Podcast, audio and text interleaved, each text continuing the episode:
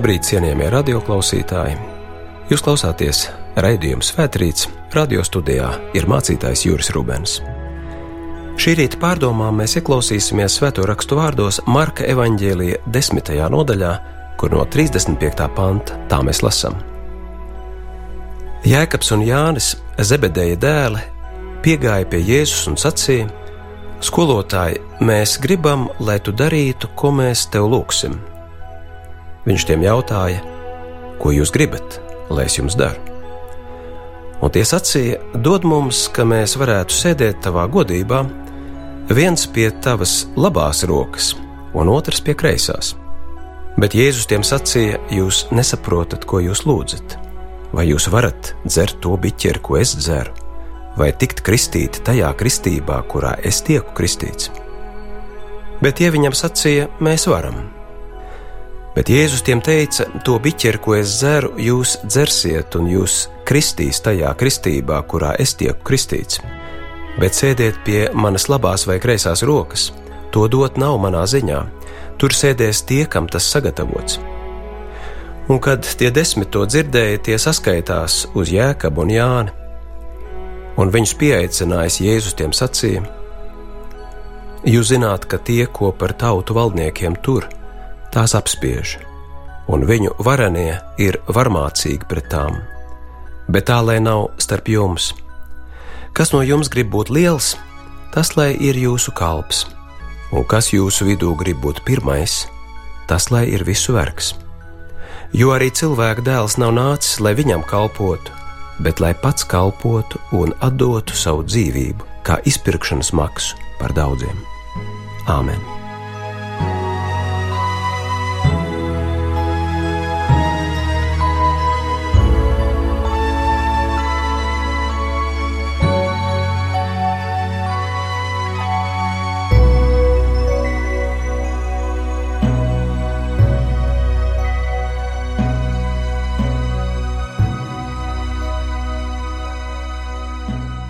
Vārdi, ar kuriem divi mācekļi nāk pie Jēzus, ir droši vien vieni no pašiem pazīstamākajiem vārdiem. Mēs gribam. Katru dienu neskaitāmās kombinācijās šos vārdus izsaka atsevišķi cilvēki vai pat veselas sabiedrības. Jā, šis evaņģēlīja notikums stāsta par mūsu vēlmēm Katrā no mums mājo vesela vēlmju un iegribu pasaule, ko tik mēs visu negribam. Un katrs esam piedzīvojuši paradoxālo pretrunu, ka mēs ciešam, ja gribētais nepiepildās, bet dažkārt vēl vairāk ciešam, ja mūsu gribētais piepildās. Viena no pamata vēlmēm, kas šos divus mācekļus atved pie Jēzus, ir ļoti saprotama. Mēs gribam būt kaut kas, mēs gribam būt nozīmīgi, vērtīgi, pamanīti, novērtēti.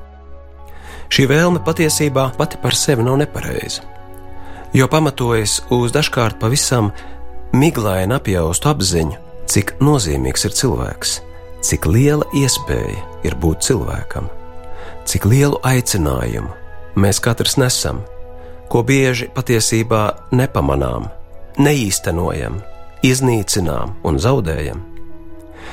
Būt cilvēkam, kā paradoxālos vārdos ir sacījis kāds domātājs, būt cilvēkam ir neaptverami liels, bet joprojām maz izmantots piedāvājums.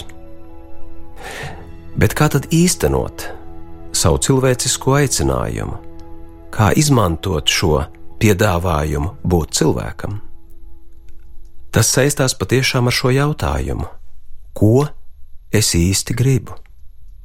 Ko es vēlos visvairāk?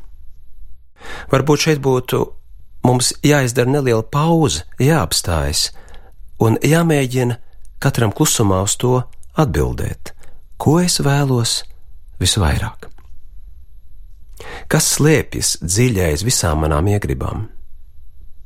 Tas ir tik dabiski, ka visi cilvēki, arī šie Jēzus mācekļi, meklē vietu, pareizo, īsto vietu sev un, protams, viņi domā, ka labākās vietas ir augšā. Bet Jēzus atbild ir ļoti skaidra, radikāla, pārsteidzoša. Viņš saka, ka labākā vieta ir nevis augšā, bet apakšā. viņš runā par kalpošanu.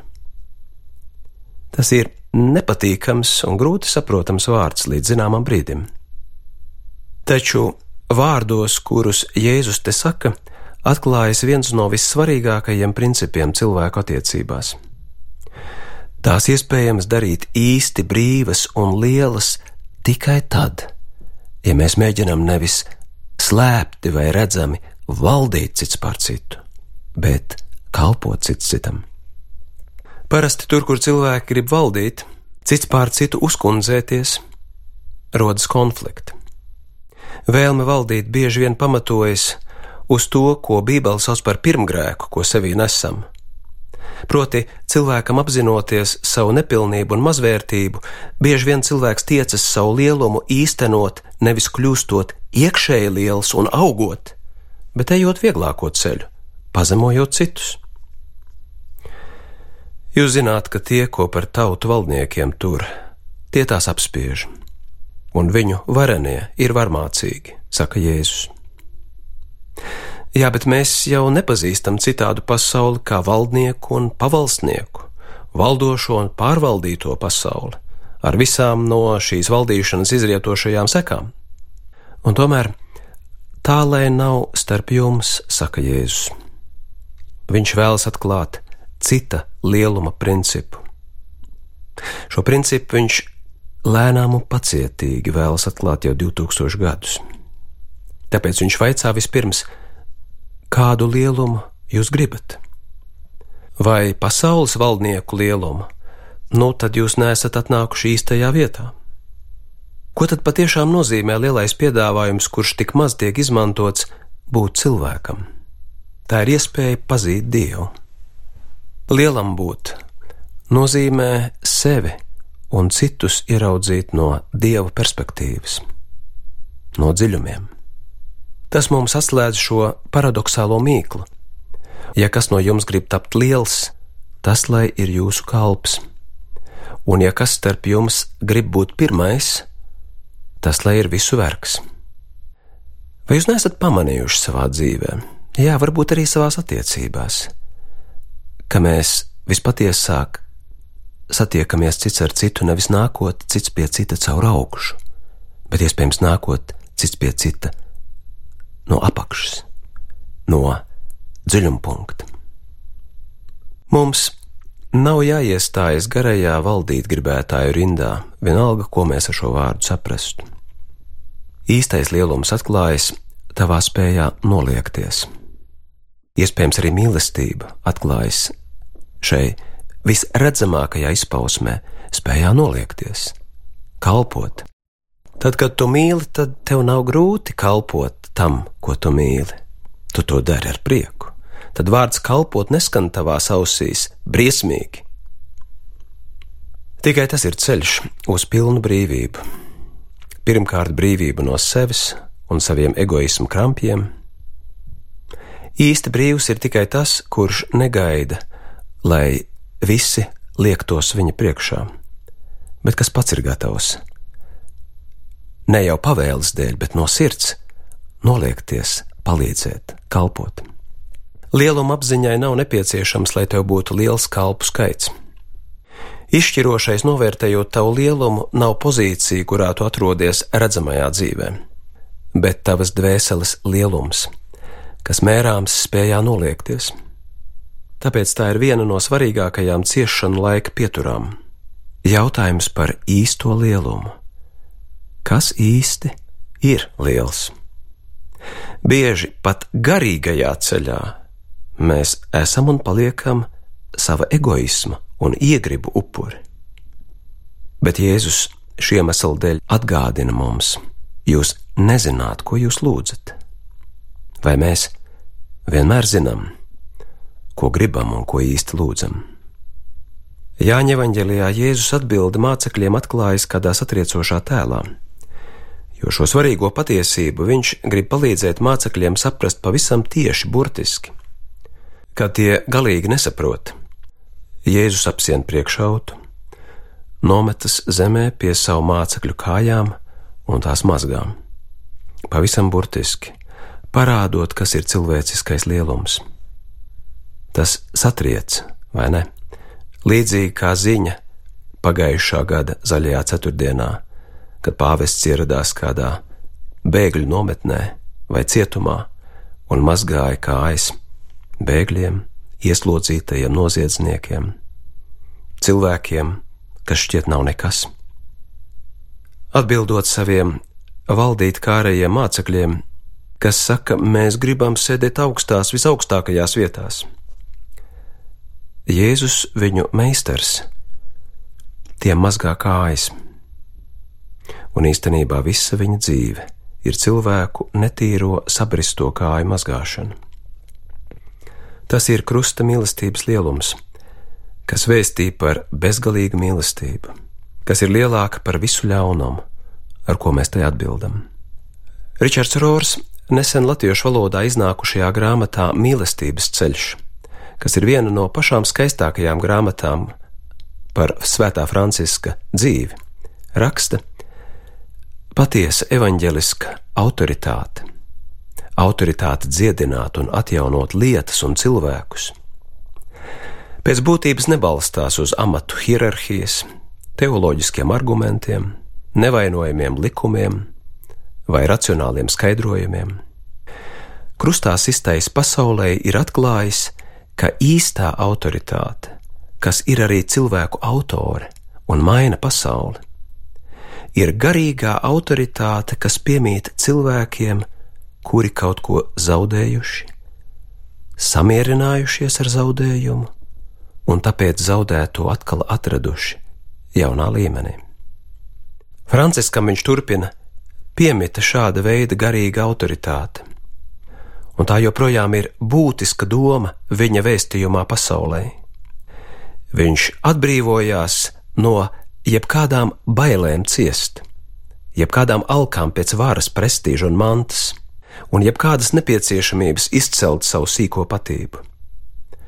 Pēc šīs pieredzes viņš sāka apzināties kaut ko svarīgu, savu patieso būtību dievā, un tāpēc arī savu patieso būtību vispār. Turpmāk viņa nams, kā Jēzus saka, būs būvēts uz klints. Ciešanas un dažāda veida nabadzība bieži dāvā spēju patiešām mainīt un dziedināt cilvēkus, jo neīstā patība nepadodas un cīnās līdz pēdējiem. Ja ciešanas nozīmē brīžus, kad mēs nekontrolējam apstākļus, tad ir saprotams, kāpēc kaut kāda veida ciešanas ir absolūti neizbēgamas, lai iemācītu mūs dzīvot bez ilūzijām, ka mēs kaut ko kontrolējam, un nodotu kontroli atkal dieva ziņām.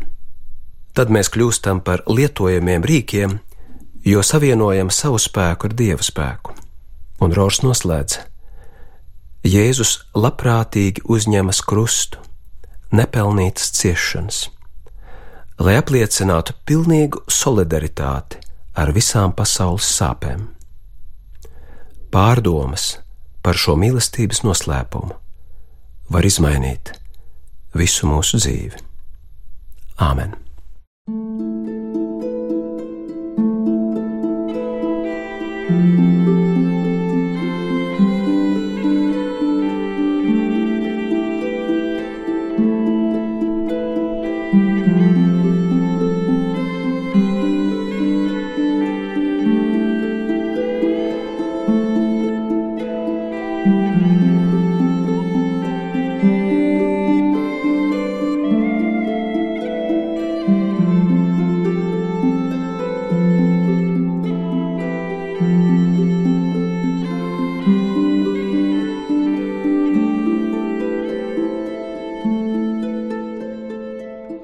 Tev pateicamies, debes Tēvs, ka tu mums ļauj pieredzēt jaunu skatu pašiem uz sevi, uz mūsu dzīvi, pasauli un tevi.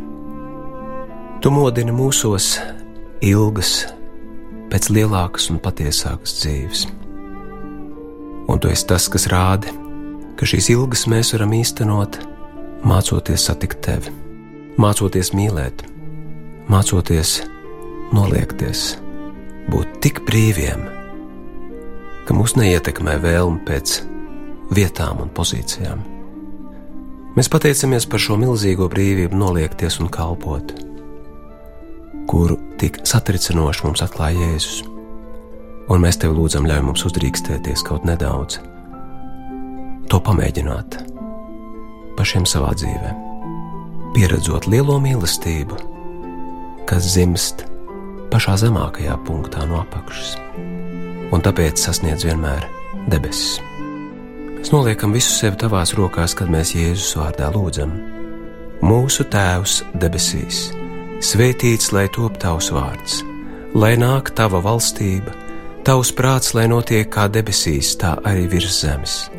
Mūsu dienascho maizi dod mums šodien, un piedod mums mūsu parādus, kā arī mēs piedodam saviem parādniekiem.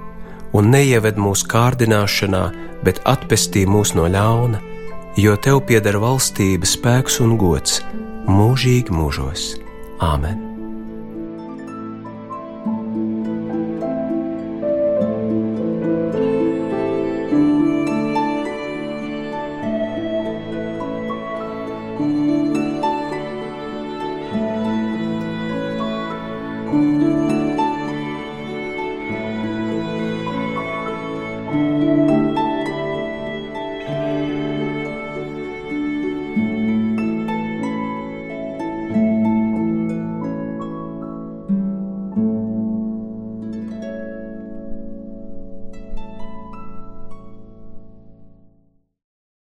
Jūs klausījāties raidījuma Svētrīts. Studijā bija mācītājs Juris Rubens.